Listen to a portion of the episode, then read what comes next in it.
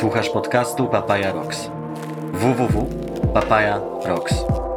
Portal o popkulturze, technologii i trendach.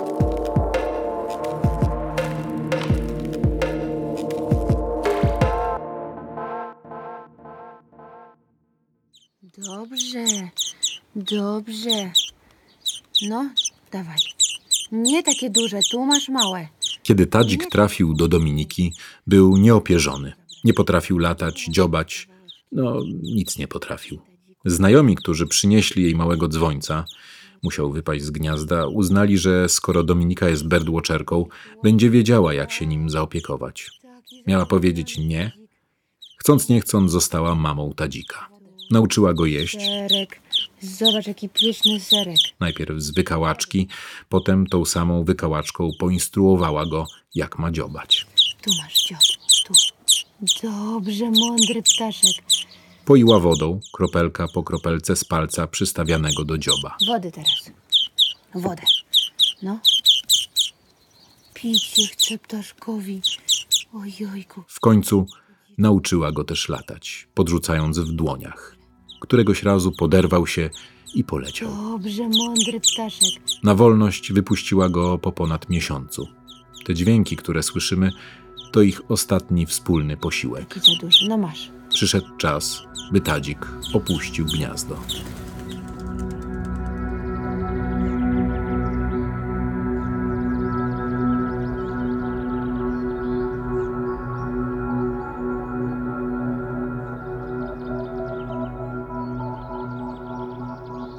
Wiosną, w czasie lockdownu, kiedy opustoszały ulice i w miastach zrobiło się cicho jak nigdy dotąd, wielu z nas usłyszało, jaki jazgot potrafią robić ptaki i zdało sobie sprawę, jak dużo ich w mieście jest.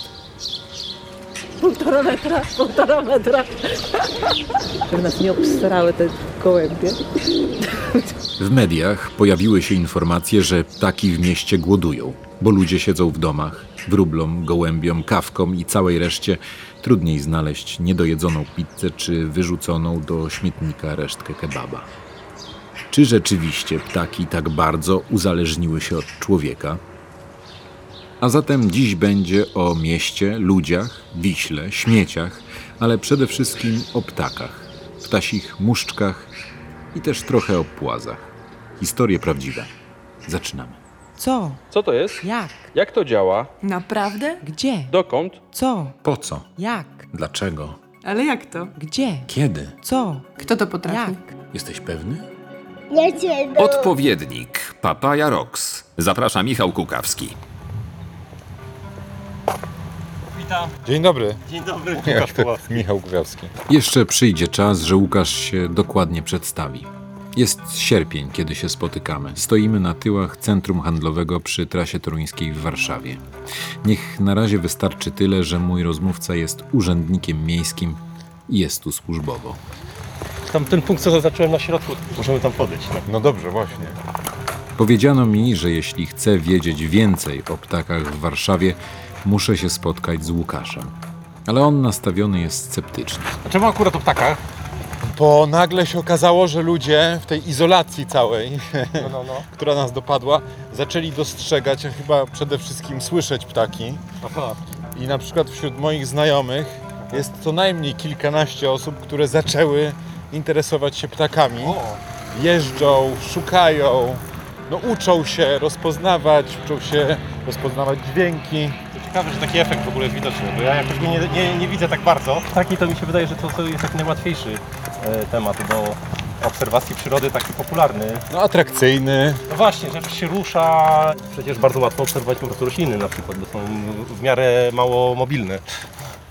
No tak, ale nie ma wyzwania chyba Właśnie- tak, aż takiego. Właśnie nie wiem, z czego to wynika. Dziwne takie to jest zjawisko, ale tak jest. Pewnie Staszka Łubieńskiego pan kojarzy. Tak, tak, tak. tak. No to on mówi, że te ptaki to mu się tylko dodają po prostu do kolejnych obserwacji. Tak. Inne rzeczy zaczyna zauważać. tak. Mówi, o motyl!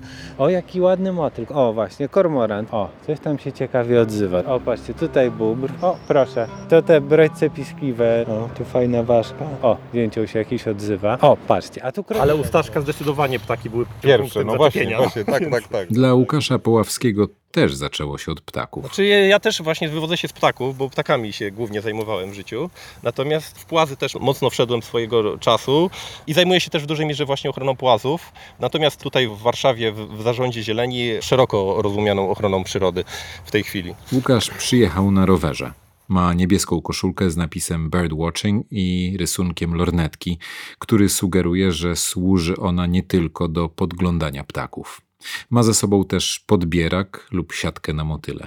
Wkoło wysokie bloki, parkingi, plenerowa siłownia. W środku osiedla dwa niewielkie stawy. Wyglądają na takie trochę pozbawione przyrody. Wytypowałem to miejsce do realizacji projektu, który w części zakłada renaturyzację wybranych zbiorników wodnych na terenie Warszawy. I dlaczego akurat te zbiorniki? Bo jest mnóstwo takich podobnych na terenie miasta. No dlatego, że mamy tutaj też dane naukowe zebrane wcześniej przez parę osób, które rejestrowały w latach 90. duże bogactwo gatunkowe płazów. Cholera, przecież miało być o ptakach. Troszeczkę się przejdziemy wokół tych zbiorników, żeby Tak. zobaczyć, czy coś jeszcze poza tym, co tu widzimy e, z tej grobli żyje, e, jeżeli chodzi o zwierzęta. Widzę kaczki i łyski. Te drugie są czarne, ale dziób i czoło mają białe. Zapewne miejski ornitolog zobaczy o wiele więcej. Ale nie. Łukasz nie przyjechał tu dla ptaków. Przy badaniach organizmów żyjących w wodzie, typu bezkręgowce czy płazy, używa się takich siateczek. W przypadku płazów i gadów nazywane jest to czerpakiem herpetologicznym.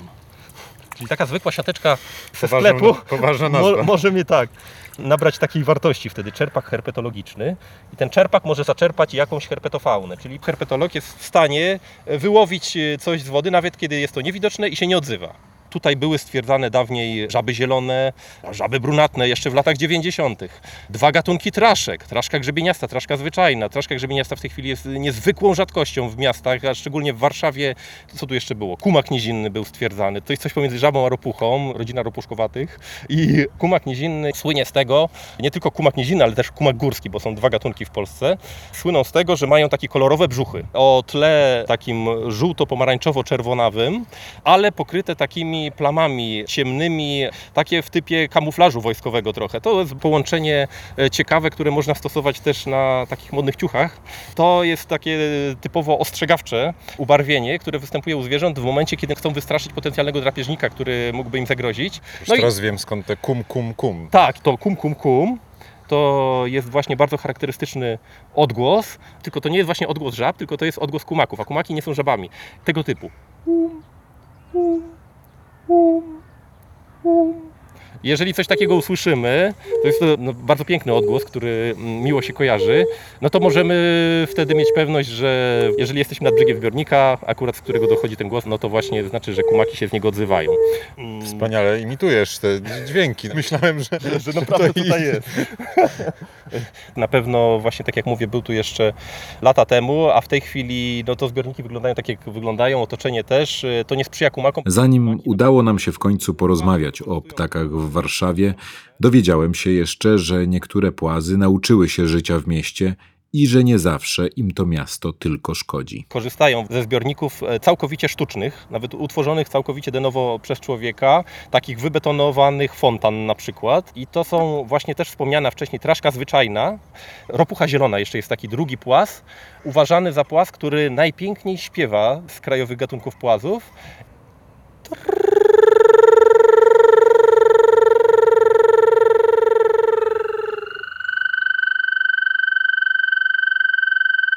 Nie poddaję się. Pokazuję na kręcące się w trzcinach ptaki i pytam. To jest tak, że ptaki potrzebują ornitologów w mieście, czy to miasto potrzebuje ptaków i dlatego potrzebuje ornitologów? Troszkę skomplikowane. Nie wiem, jak na to odpowiedzieć, ale mi się wydaje, że podstawowa sprawa to jest taka, że nie można tego rozdzielać. Ptaków, miasta, ludzi to jest jedność. To żyjemy w jednym świecie i żyjemy w jednym miejscu. Wiele ludzi nie- nie wie, że miasto, wiesz, ma ornitologów. To znaczy, że dla miasta No, pracują tak. ornitolodzy, co jest wspaniałe. Mhm, mhm.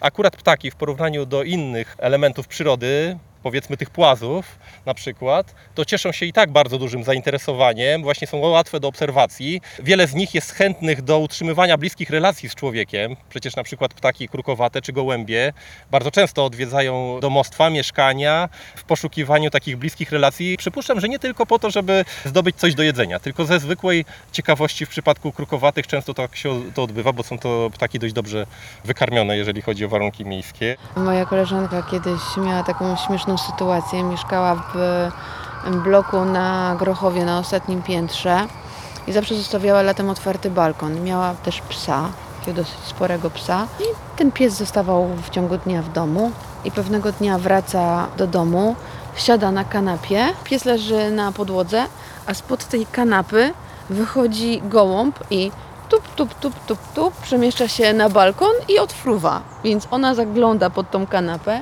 a tam leżą literalnie dwa patyki i jajko. Zabawna bardzo historia z tym e, gołębiem. Z Dominiką Krzemińską, tą od dzwońca Tadzika, spotykam się przy metrze Politechnika. Ma mi pokazać swoje ulubione miejsca do obserwowania ptaków na polu mokotowskim. Cześć. Pogoda trochę No właśnie, kurczę. na ptaki. Co nam się, co nam się uda? Pada. Dominika jest z psami. Twoja zgraja? Dwa są moje, a ten jest e, kolejny. E, opiekuję się. E, chodźcie, chodźcie. Ptakami pasjonuje się od lat. Jeździ na wyprawy z innymi birdwatcherami i też obserwuje, że wkoło jest coraz więcej ludzi ptakami zainteresowanych. Dzwonią do niej koleżanki i proszą o porady. Jak zacząć, co czytać, gdzie jechać, jaką lornetkę kupić. Dominika na co dzień prowadzi restaurację Przegryź i cukiernię Kukułka. Jak właśnie szukałam nazwy mm, na cukiernię, wiedziałam, że to musi być nazwa ptaka. Przeszłam, przerobiłam wszystkie ptaki, ale kukułka najlepiej brzmiała. Czeczotka, makolągwa to już takie są bąk, szpak, więc paszkot, kwiczą to są takie nazwy, które no nie, nie kojarzą się z ciastem. Wszystko odpadało. Wszystkie kuropatwy, góropatwy, śnieguły i inne raniuszki, żurawie, łabędzie, łyski i inne kaczki, słonki, bekasy, krzyki. Wszystko odpadało. No tak, no padło na kukułkę i myślę, że to jest trafiona nazwa. Jedziemy, pójdziemy, tu możemy pójść. Prowadzi nas w kierunku dzikiej, ogrodzonej łąki. No pogoda nie sprzyja nam ewidentnie. Przechodzimy przez dziurę w siatce.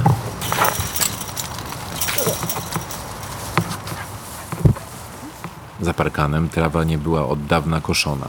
Gdyby nie szum samochodów, zapomniałbym, że jesteśmy w środku Warszawy. Ale też ku mojemu zdziwieniu słychać ptaki. Pierwszy raz jak tutaj pojawiłam się na tych polach, usłyszałam dźwięk trzciniaka. Zdziwiło mnie to, że trzciniak się odzywa w miejscu, gdzie nie ma żadnego zbiornika wodnego i zaczęłam podchodzić w jego stronę, ale dźwięk przerodził się w jakiegoś innego drapieżnika, po czym drapieżnik przemienił się znowu w jakiegoś innego ptaka i okazało się, że na tym budynku tutaj jest e, zamieszczone urządzenie, które odtwarza dźwięki różnych ptaków prawdopodobnie w celu odstraszenia gołębi, aczkolwiek nie słyszałam, żeby trzciniaki odstraszały gołębie. Chcesz się gdzieś przemieścić, czy... Bo to ładnie jest, no. Ładnie tutaj jest, no. Możemy tam pójść w, to, w stronę tamtych drzew, tam też jest przyjemnie. Skąd się wzięły te ptaki? Wiesz co, ja się zawsze interesowałam przyrodą, tak na maksa. Interesowały mnie roślinki, motylki. Co, jeszcze raz? Rośliny, motylki, owady różne. Wiesz, mnie to interesowało zawsze. Zawsze zbierałam zioła. Ta przyroda tak zawsze mi towarzyszyła. Od dziecka. Dominika ptaków uczyła się z książek. Jak wszystkiego. Oglądałam, czytałam o nich, a potem chodziłam i szukałam ich po krzakach. To było w liceum. Książki takie, wiesz, podstawowe z dziesięcioma ptakami. Wszystkie książki miały rysunki, niestety. Nie było jeszcze wtedy książek z fotografiami, aczkolwiek uważam, że książki z dobrze zrobionym rysunkiem są lepsze niż fotografie Dlaczego? bo fotografia często przekłamuje kolory, albo w różnym stadium może być zrobione zdjęcie. Kupowałam w antykwariacie książki zazwyczaj i potem sobie zaznaczałam, które widziałam.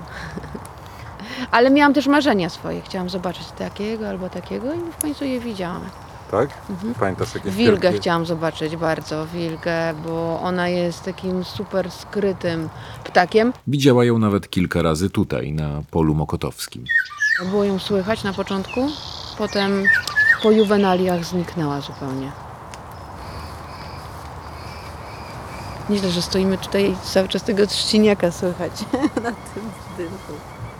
Nie zwróciłbym nigdy uwagi, że No jakiś sam- budynek wydaje dźwięk. Często to jest dźwięk jednego ptaka, tutaj jest ewidentnie słychać różne dźwięki, mają jakieś maszynę pro. W końcu docieramy pod upatrzone drzewo. Chcieliśmy się ukryć tu przed deszczem. Okazuje się, że to popularne miejsce spotkań. Wkoło walają się puszki, butelki, plastikowe kubki, opakowania po chipsach, pizzy, masa śmieci. Fajnie, co? Fajnie bardzo, tak. Zwalony pieniek i Mhm. trochę puszek, które twoje. Ptaki lubią śmieci? Tak, niektóre lubią. Często w ogóle ludzie, którzy obserwują ptaki, jadą na śmietnisko je obserwować, bo tam jest ich dużo. Robiłam jakieś porządki, wywoziłam do segregatorni śmieci i tam w tej segregatorni mieszkał bocian, który był takim brudasem, takim czarnym, brudnym bocianem. Dowiedziałam się, że on tam przylatuje codziennie i właśnie jakieś śmieci wyciąga. Siedział zresztą na takiej stercie i taki, wiesz, wizerunek takiego czystego bociana, który tutaj z małżonką na tym gnieździe z małymi prysł, tylko taki brudny, umorusany bocian na środku tej segregatorni. Dziwnie to wyglądało, naprawdę. Ale tak, rzeczywiście na śmietniskach e, jest dużo różnych ptaków. One po prostu sobie tam żerują, wyciągają jakieś śmieci, właśnie mm, te krukowate wszystkie. Jakieś gawrony, wrony, kawki, wrony siwe. Właśnie, ale lubią śmieci w takim sensie, że no, mogą tam znaleźć coś do jedzenia, Oczywiście, ale krukowate czy na lubią przykład pogrzebać. lubią śmieci do budowania gniazd. Oczywiście. Jakieś sznurki, foliowe torebki tam upychane. Tak, tak, tak. Znaczy oczywiście są ptaki, które budują zawsze piękne gniazdo według schematu z odpowiednimi roślinami, ale są ptaki, które nie zwracają na to uwagi i używają e, jako budulca wszystkiego, czego się da zbudować. Który ptak by nie tknął śmiecia? Wilga. Myślę, że nie tknęłaby e, zupełnie. Ale ty słyszałeś o tych ptakach, one co prawda nie występują e, w Polsce, tylko w Ameryce Południowej, które w czasie godów układają przed swoim gniazdem obrazy ze śmieci i na przykład wybierają tylko niebieskie elementy i przechodzą samice, które wybierają, które jej się najbardziej podoba naprawdę. To jest jakiś odjazd i takie właśnie śmieci.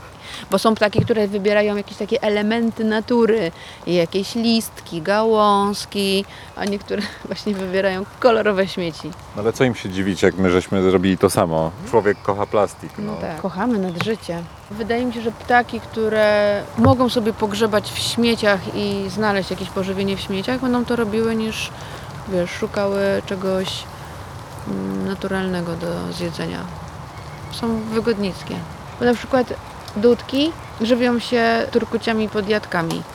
Tam, gdzie są turkucie podjadki, tam będą dudki. I dużo jest takich ptaków, które mają po prostu taki swój pokarm i niekoniecznie go zmienią na inny. Na kebaba. Na kebaba na przykład.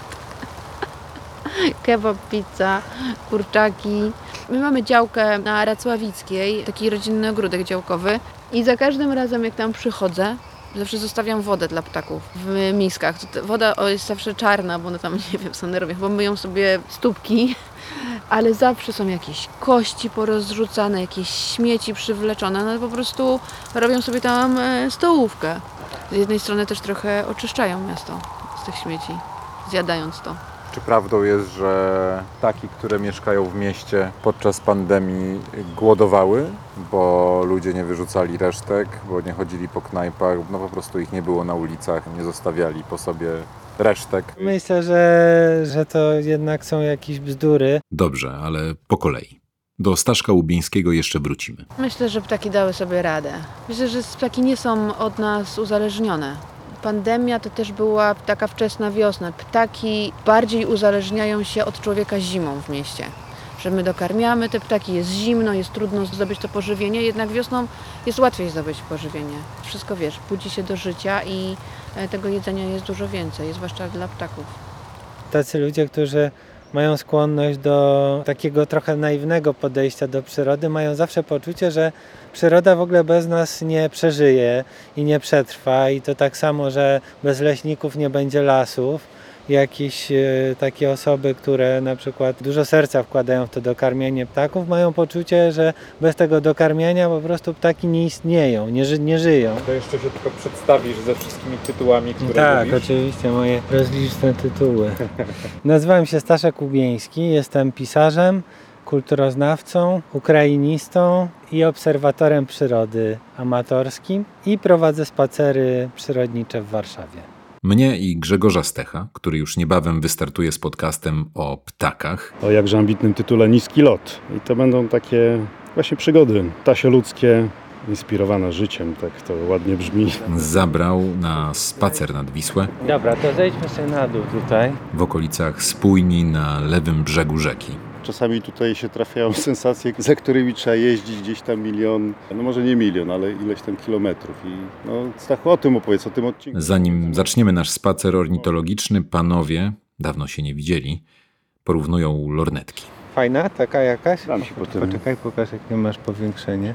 A, takie, takie jak moje. Bo to masz trzydziestkę. nie? E, tak, to prawda. Ale ty masz 8 na 32, No. tak? Aha, to trochę szerzej. To bardzo A ty masz większy, a ty masz lepszy, a ty masz... Ja ma grubszy. Super chłopaki. Fuks. No dobrze, to tutaj Tak. się przychodzi, żeby... E, ja tutaj przychodziłem przez lata, bo mieszkałem w pobliżu na Żoliborzu i to było moje naturalne miejsce znikania. To znaczy wychodziłem rano z psem na 20 minut i wracałem po 4 godzinach, bo zawsze się okazywało tutaj, że dużo się ciekawych rzeczy dzieje. To miejsce jest pozornie takie bardzo miejskie, bo Cały czas widać tu tramwaje, które przejeżdżają mostem, słychać ten ruch uliczny, ale tutaj zaczyna się na dobre taki prawdziwy wiślany łęk, taki las łęgowy, który tutaj jest pewnie od zawsze i nie został zniszczony. Mm, czekajcie, chyba muszę złapać psa. Tam jest pies, widzę. Dobra, jest dobrze. I, i, I tak, tutaj o różnych porach roku można chodzić w różne miejsca. Jesienią, kiedy lecą na przykład ptaki drapieżne nad miastem, one wtedy migrują na południe. Fajnie się siedzi na tych betonowych schodkach tutaj, gdzie odbywają się wszystkie urodziny i różne zabawy i harce. Jest zawsze mnóstwo rozbitych butelek i śmieci, no ale to w ogóle ptakom, które gdzieś tam górą lecą, nie przeszkadza i można tu zobaczyć prawie w środku miasta takie ptaki jak orlik krzykliwy, czyli taki no naprawdę rzadki ptak, który ma taki dosyć szczególny status w Polsce i dużo się robi, żeby zachować y, jego w ogóle życie tutaj. I one rzeczywiście tu przelatują. I rybołowy, i naprawdę takie ptaki. Rybołów to jest taki drapieżnik bardzo ciekawy, który, jak nazwa wskazuje, łapie ryby. Ma bardzo dziwne szpony, tak skonstruowane, że dwa są do przodu, dwa do tyłu i są pokryte taką jakby tkanką dziwną, gąbczastą, która po prostu ułatwia mu przytrzymanie zdobyczy. I to jest ptak bardzo w Polsce rzadki. Mało jest tych par, które rzeczywiście tutaj wychowują młode. Natomiast y, przez Polskę lecą ptaki ze Skandynawii. No i y, zobaczenie takiego rybołowa w Warszawie ma zupełnie inny smak niż zobaczenie go gdzieś na jakichś dzikich, zarośniętych stawach, czy gdzieś y, nie w mieście. I to jest właściwie największa frajda obserwowania ptaków w mieście, że te ptaki przez ten kontekst jednak y, cywilizacji i takiego huku i hałasu i naporu cywilizacji y, jakoś nabierają zupełnie innego znaczenia i formatu. I taki nawet ptak, który gdzieś na polu byśmy trochę na niego machnęli ręką, tutaj nagle y, tak y, zyskuje bardzo. tej scenografii. Tak, tak. Fuks, co ty żresz? Aha. No dobra, zaraz, sekundę, bo tu Tak. jakiś... E, dobra, może chodźmy stąd, Tak. bo on się tutaj interesuje. tym. Fuj, fuj, fuj. Tyś ty zdurniał, idź! E, Widziałeś, tam taki trup szczura leżał dosyć, ten, więc e, Smakowity. Pra, prawie na No. niego przyszedłem. zostawił na nas pułapkę. Zduptywanego szczura. Ej.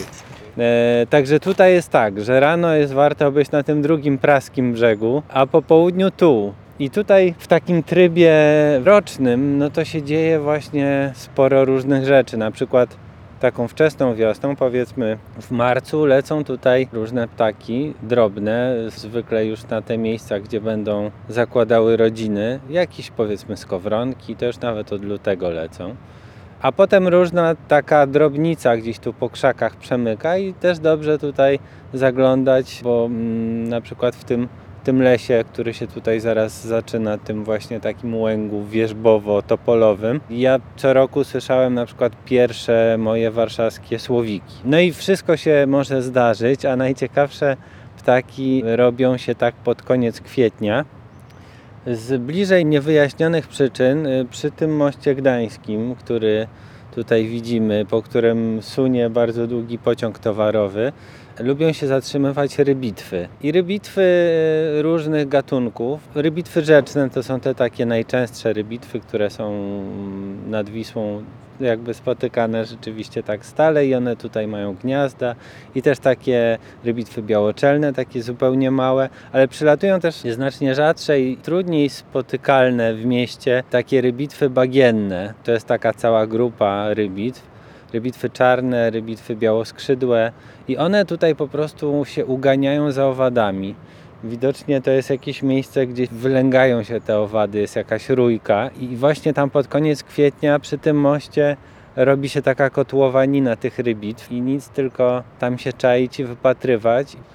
No a potem w miarę upływu czasu, tak powiedzmy od czerwca, można tutaj na tych kamieniach e, za spójnią obserwować różne ptaki brodzące w błotku. e, Mają na ogół długie nogi, długie dzioby i sobie szukają jakiegoś tam interesującego jedzenia. No tutaj właściwie przez cały rok jest co oglądać. Oczywiście z ptakami jest tak, że nie sposób ich zaprogramować i się z nimi umówić, więc czasami nie ma nic, czasami jest coś, a czasami nagle jest bardzo dużo. O, tu leci właśnie taki ptak, to się nazywa brodziec piskliwy. Niewielki. Niewielki, tak, ale charakterystycznie w locie tak podryguje skrzydłami i tak leci tylko on. To jest taki typowy wiślany ptak i tutaj jest do spotkania łatwo, ale nie jest to już takie łatwe w innych częściach Polski na przykład. Ale tutaj wydaje się zupełnie czymś normalnym. O właśnie, kormoran też taki ptak, który no było go nie za dużo, bo był bardzo tępiony i trzeba było wprowadzić taką dosyć aktywną ochronę tego kormorana. I teraz to jest taki typowy wiślany ptak, ale przypuszczam, że w latach 70. zobaczenie tu kormorana było pewnym wydarzeniem. Patrzę przez lornetkę i widzę na przykład czaplę, która stoi sobie nieruchomo wśród kamieni, kompletnie niewidoczna bez lornetki. Widzę dużo mew, pewnie kilku gatunków przynajmniej. Widzę tam te e, brodźce piskliwe, które już widzieliśmy. Mówiłem, że one podrygują skrzydłami w locie, ale kiedy siedzą na kamieniu, to tak charakterystycznie podrzucają ogon. I, i potem też można je, je poznać na tej rzece. Pewnie byśmy musieli spojrzeć przez lunetę, żeby coś jeszcze więcej wypatrzeć. Widzimy tutaj też kormorana, który sobie płynie charakterystycznie, o zanurkował. Wygląda trochę jak jakaś taka łódź podwodna, bo on jest taki długi, ma tą szyję jak peryskop, taką wyciągniętą. No i rzeczywiście błyskawicznie pojawia się i znika. Nie jest może jakimś wielkim lotnikiem, ale całkiem dobrze lata. No ale zdecydowanie jego żywiołem jest woda i, i, i tam pod wodą używa tych skrzydeł też jako wioseł. Nie tylko służą do latania, ale też do zwinniejszego i, i bardziej takiego zwrotnego nurkowania. Dobra, chodźmy dalej. Tam jest takie miejsce, które lubię, gdzie jest ujście jakiegoś y, jakby kolektora ściekowego czy czegoś takiego, czy może tu jest odprowadzana na przykład deszczówka. Jest po prostu wybetonowana taka ścieżka i to jest taki dobry punkt do obserwowania właśnie tych kamieni, co tam się dzieje. Ale w ogóle to miejsce właściwie wszędzie jest fajne, tak naprawdę można patrzeć na rzekę, która jest największym skarbem przyrodniczym Warszawy. Dzika Wisła, i okolice, czyli te, te lasy łęgowe, no to jest rzeczywiście najfajniejsze tutaj i też przyciąga najwięcej zwierząt. Nie ma takich wielkich, dzikich rzek w Europie płynących przez stolice, przez wielkie miasta. One zostały już dawno uregulowane, zamienione w betonowe rynny. Wystarczy pójść nad śródmiejski odcinek Wisły w Krakowie, żeby zobaczyć, jak może wyglądać nieszczęście przyrodnicze. Mamy dosyć dokładne dane o ptakach nad Wisłą w Warszawie. Łukasz Poławski do Warszawskiego Zarządu Zieleni trafił, gdy miasto podjęło się programu ochrony ptaków nad Wisłą i szukało specjalistów. Dobrze więc wie, jak wygląda ich sytuacja. Gniazduje tu prawie 100 gatunków ptaków. Spotkać można powyżej 200. To są też ptaki przylotne, to są ptaki pokazujące się bardzo rzadko, rzadkie gatunki w ogóle w Polsce, czasami na przykład pelikany, pokazujące się nieregularnie, no ale jednak są to gatunki, które co jakiś czas są e, widziane i te liczby jakoś się tam utrzymują, tylko zmienia się jakość gatunkowa, zmienia się skład gatunkowy e, ptaków. A czy ty tu przychodziłeś, żeby wypatrzeć coś szczególnego? Wiesz, zasadzałeś się na jakiegoś ptaka, czy po No prostu i- obserwowałeś i... To zawsze trochę człowiek się zasadza na coś, może niekoniecznie na coś konkretnego, ale z takim poczuciem, że na przykład o, dzisiaj jest dobry dzień, coś się może trafić.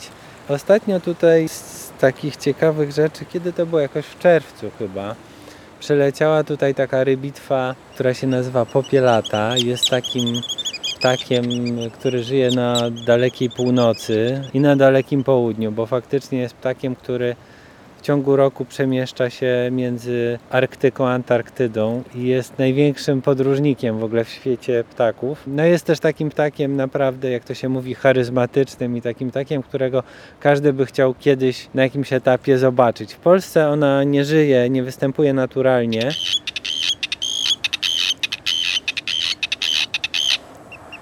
To znaczy nie, nie odbywa lęgów. Naturalnie się pojawia, ale nie, nie jest tutaj na stałe, jakby nie, nie można jej spotkać, tak jak te rybitwy takie właśnie typowo wiślane. No i w, w tym roku pojawiła się pierwsza chyba rybitwa w historii warszawskiej ornitologii tutaj i, i w dodatku nie była jedna, były przynajmniej dwa ptaki.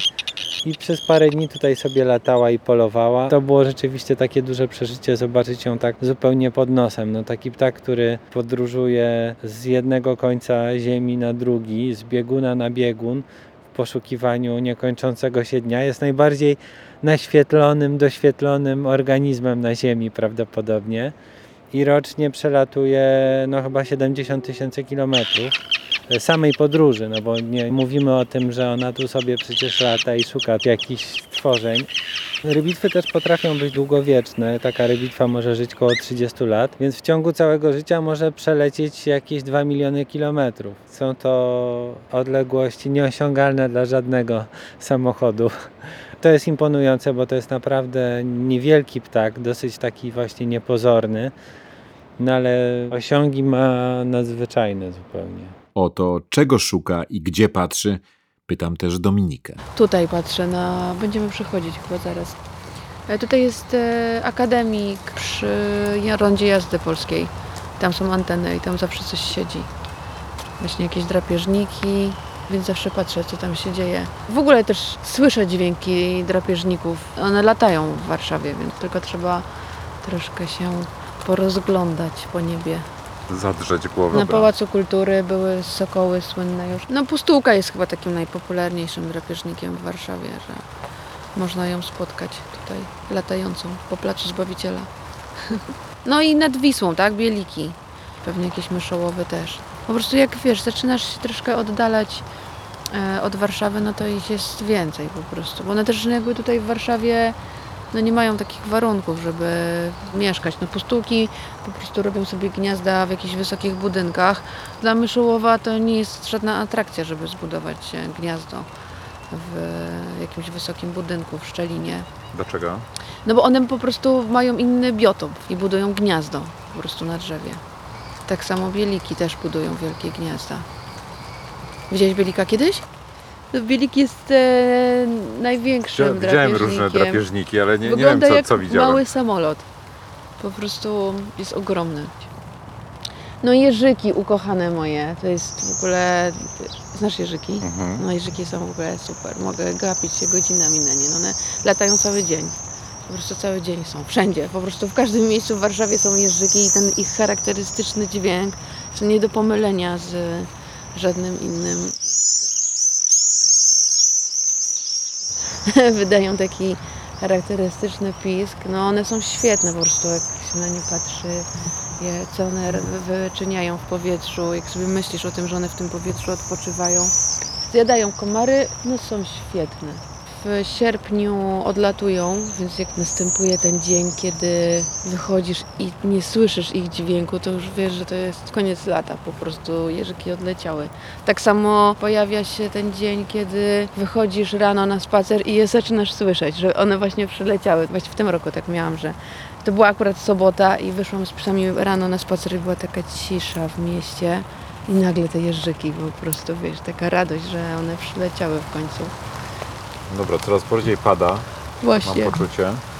Chyba tak. A Ty- chyba zginął mi jeden piesek. A nie, jest. Tam, tam cały czas gdzieś jest. Jest jakiś pies po prostu polujący.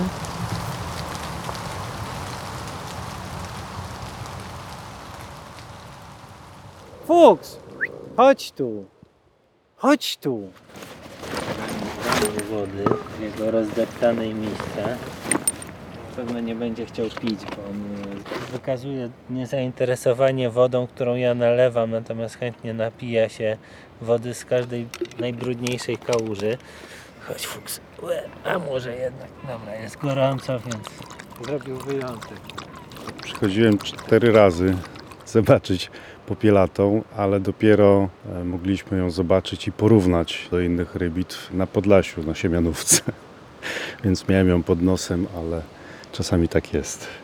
Tak samo jak byłem 7 km od Kaniuka. Pięć razy byłem z całą zgrają chłopaków i tam jeden chyba tylko starczą wyszedł. Więc zdarza się. Tak Takie sensacje pod nosem i klops. No to obserwowanie ptaków jest czasami bardzo frustrujące rzeczywiście. Jeżeli nastawiamy się na to, żeby zobaczyć konkretnego ptaka, który jest rzadki, który jest wyjątkowo, no to też e, jest duże ryzyko klęski. Ja chyba dlatego nie za bardzo lubię to robić, bo po prostu denerwuje mnie cała para, która idzie zupełnie w gwizdek. Jak trzeba jechać 400 km, żeby zobaczyć coś ciekawego i tego nie ma, no to ja już trochę macham wtedy ręką. Lubię się cieszyć takimi ptakami, które mam pod nosem, a to, że akurat w Warszawie była rybitwa popielata, no to było grzechem z tego nie skorzystać rzeczywiście. Rozumiem, że taka informacja o tym, że jest do zobaczenia rzadki ptak, to ona się szybko wśród tych, którzy obserwują ptaki rozchodzi, tak? Tak, są takie fora na Facebooku, ale nie tylko, są specjalne strony, gdzie ludzie wstawiają obserwacje, one są tam weryfikowane. No i można się dowiedzieć mniej więcej w jakim promieniu czy w jakim kwadracie kilometrowym ktoś odnotował obserwację no i wtedy tam różnie to bywa. Niektórzy, tak jak Stasiek mówi, jadą, niektórzy nie jadą. Zawsze jest to jakaś sensacja, ale ale coś w tym jest, że jechanie, nie wiem, tam 500 km w ciemno, no czasami się kończy porażką. Ale ty jesteś jeszcze na tym etapie, że jedziesz. Jak mnie namówią, to jadę. Tak, tak, tak. No właśnie, no myśmy sobie robili taki konkurs, zresztą to dalej trwa, żeby obserwować jak najwięcej ptaków w Warszawie w skali mikro. I to się okazało bardzo fajne, bo ta rywalizacja jednak mobilizuje ludzi do chodzenia w teren i dzięki temu bardzo dobrze w ciągu ostatnich trzech czy czterech lat to miasto poznaliśmy. Znaczy wszyscy je znaliśmy, ale raczej nie od strony przyrodniczej. A tak się okazało, że ci obserwatorzy mieszkają w różnych częściach Warszawy i mogą dorzucić jakieś ciekawe miejsca ze swojej okolicy, które chodzą, a których ja na przykład nie znałem. Jest takie jezioro Zgorzała na dalekim Ursynowie, otoczone przez jakieś takie domki, e, jakieś powstające tam osiedla. Są tam ptaki, które nie występują nigdzie indziej w Warszawie. I wszyscy ci ludzie, którzy się tymi ptakami zajmują dłużej niż ja i mają jakąś perspektywę, jeżeli chodzi o te warszawskie ptaki, powiedzmy 30 lat, no to mówią, no, że kiedyś to w ogóle było obłędne, a teraz to jest już słabe popłuczyny po tym, co kiedyś było. No ale i tak e, miejsce jest imponujące. Ale też tutaj można zobaczyć, bo jesteśmy na, na Żoliborzu. Przecież w, w lutym czy w marcu wąsatka przeleciała. Genialny mały ptaszek. To bielany, to już bielany były. Tak, to po drugiej, tak, po drugiej stronie trasy toruńskiej. to coś niesamowitego. W trzcinach kilka metrów przed ludźmi i stado właśnie luneciarzy, lorneciarzy i każdy nawet gołym okiem sobie mógł na nią patrzeć i to, to było przepiękne. Nie trzeba nigdzie jechać, można ją zobaczyć. No właśnie, takie chyba obserwacje są w ogóle najfajniejsze, bo ciekawe rzeczy wcale nie trzeba gdzieś daleko jeździć często, że one mogą być zupełnie pod nosem, tylko trzeba się po prostu trochę porozglądać i trochę w to włożyć wysiłku. Naprawdę przyroda jest też w mieście i, i- takie nasze poczucie, że żeby zobaczyć coś interesującego, to trzeba gdzieś szalenie daleko jechać jest bardzo mylne, no bo i w Warszawie można zobaczyć te wszystkie ptaki, po które się gdzieś tam jeździ kawał stąd czasami. W ciągu tych chyba czterech lat, od kiedy szukamy tych ptaków w Warszawie w ramach naszego małego wyścigu bez nagród, Jak duża to jest grupa? bardzo zapalonych jest powiedzmy 6 osób, a w sumie bierze w tym udział tak od 20 do 35 osób. My w ciągu tych czterech lat widzieliśmy chyba 230 gatunków ptaków, coś takiego. No to jest naprawdę dużo. Tych takich, co w ogóle kiedykolwiek były widziane, to jest 360 może, ale takich, co, co są tak regularnie widywane, no to przypuszczam, że 280 tak naprawdę. Czyli Naprawdę- niewiele zostało takich No, ptaków, tak. których nie można zobaczyć tak, w mieście. Ale, ale niektórych na pewno tutaj nie zobaczymy. Chociaż nie można mówić, że nie zobaczymy, bo trafiały nam się tutaj też takie ptaki, które w skali Polski są bardzo, bardzo rzadkie i, i- do Warszawy specjalnie jeździli ludzie gdzieś skądś, żeby im się przyjrzeć. Parę lat temu był taki ptak, który się nazywa dzierżba rudogłowa. To był ptak, który kiedyś w Polsce występował, ale no już, już go nie ma i ludzie jechali ze Śląska na przykład, żeby go zobaczyć.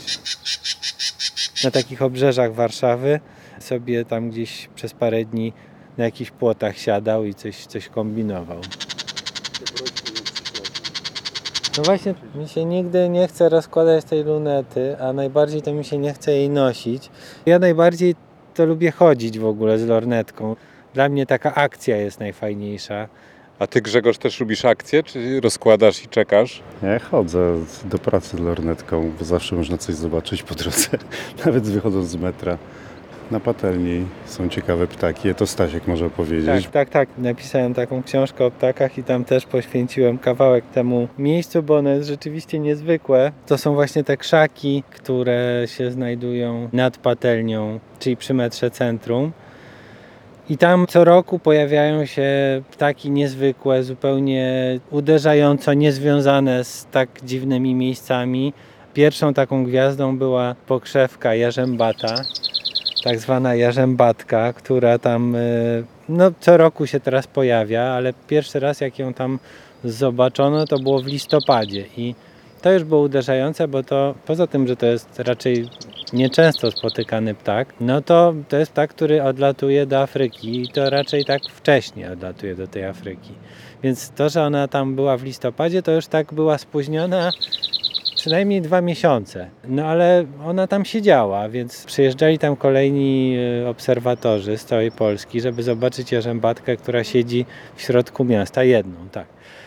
Potem się okazało, że te jarzębatki tam są co roku zimą i nie jedna, tylko dwie czy trzy nawet szczytowo. I były różne teorie, dlaczego się tak dzieje i żadna nie jest jakaś tak stuprocentowo przekonująca, ale z drugiej strony nie mamy czego innego się chwycić, więc teoria jest taka, że przy metrze centrum są te takie miejsca, gdzie wydmuchuje ciepłe powietrze z peronów i te krzaki są po prostu ogrzewane tym ciepłym powietrzem.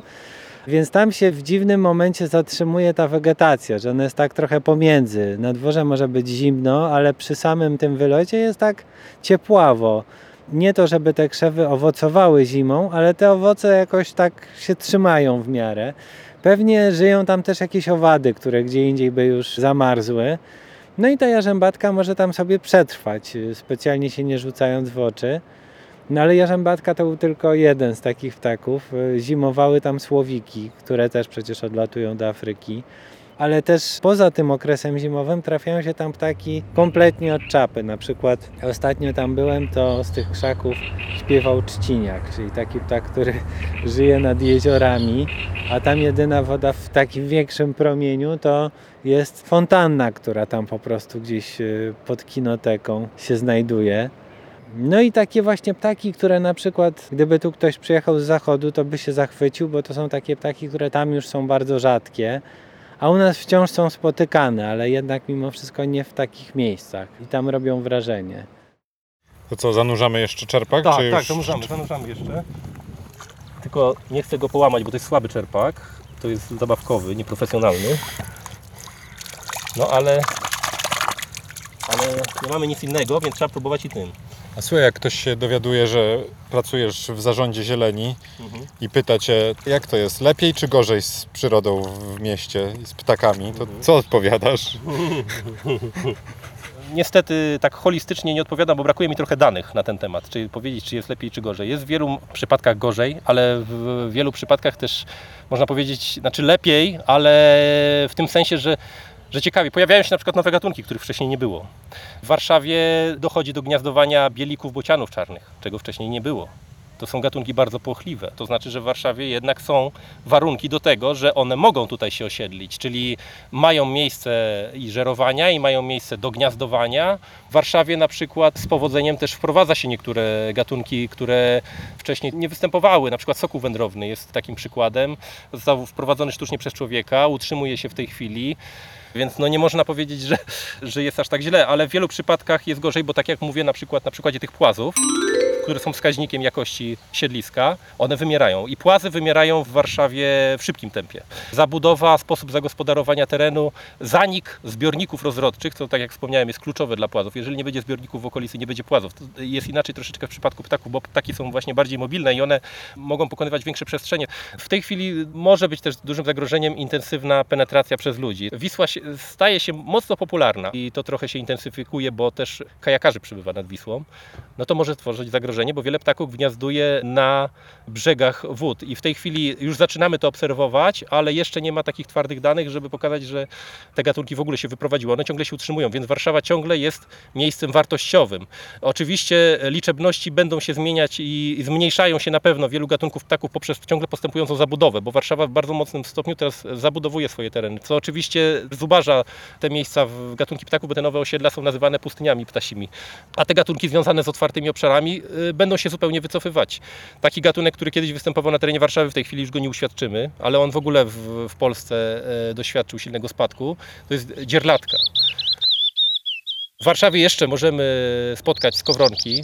E, Mamy gniazdujące bociany białe, typowe gatunki dla krajobrazu miejskiego, na Białołęce, ale jeżeli zabudowa tam będzie postępować ciągle tak silnie i te miejsca będą też przekształcane właśnie nawet na parki, to wtedy na pewno już tych, te bociany stracimy. Więc to jest jakby urbanizacja, e, ma swoje konsekwencje. W tej chwili na przykład straciliśmy już, jeżeli chodzi o gniazdowanie w Warszawie, sieweczkę obrożną. Ona jest bardzo narażona na penetrację przez ludzi piaszczystych od sypisk, wysp, plaż wiślanych, bo ona gniazduje bezpośrednio na ziemi. Jest to ptak y, bardzo płochliwy. No ale tak jak mówię, ale wprowadziły się bieliki w zamian. Tylko, że bieliki też są płochliwe. Jeżeli penetracja przez ludzi tych terenów niezabudowanych będzie bardzo silna, no to wiadomo, że niektóre gatunki też nie wytrzymają tej presji. Więc trzeba równoważyć i planować tą rekreację w sposób zrównoważony, żeby nie utracić tego bogactwa, bo urbanizacja aglomeracji warszawskiej jest bardzo dynamiczna i trudno tutaj jakoś pogodzić jedno z drugim, niestety. No ale trzeba próbować i trzeba próbować dać czas tej przyrodzie na przystosowanie się do tych zmian. No i przekonał mnie. Fajnie gapić się na ptaki. Są ładne, przepięknie śpiewają, no i przede wszystkim latają. Ale też potrafią się całkiem sprawnie adaptować do zmieniających się warunków. A jak w mieście robi się nie do wytrzymania, zbyt głośno, smrodliwie i niewygodnie, mogą się wynieść, nawet tysiące kilometrów dalej. Płazy tego komfortu nie mają. Jak na złość nie są takie ładne. Więc postanawiam, biorąc sobie was za świadków, że od dziś więcej będę patrzył pod nogi, by zadbać o herpetofaunę. Każda traszka, kumak i ropucha mogą liczyć na moje wsparcie. Niech żyją płazy i gady. Cholera, przecież miało być o ptakach. To był podcast Papaya Rocks. www Papaya Rocks. Portal o popkulturze, technologii i trendach.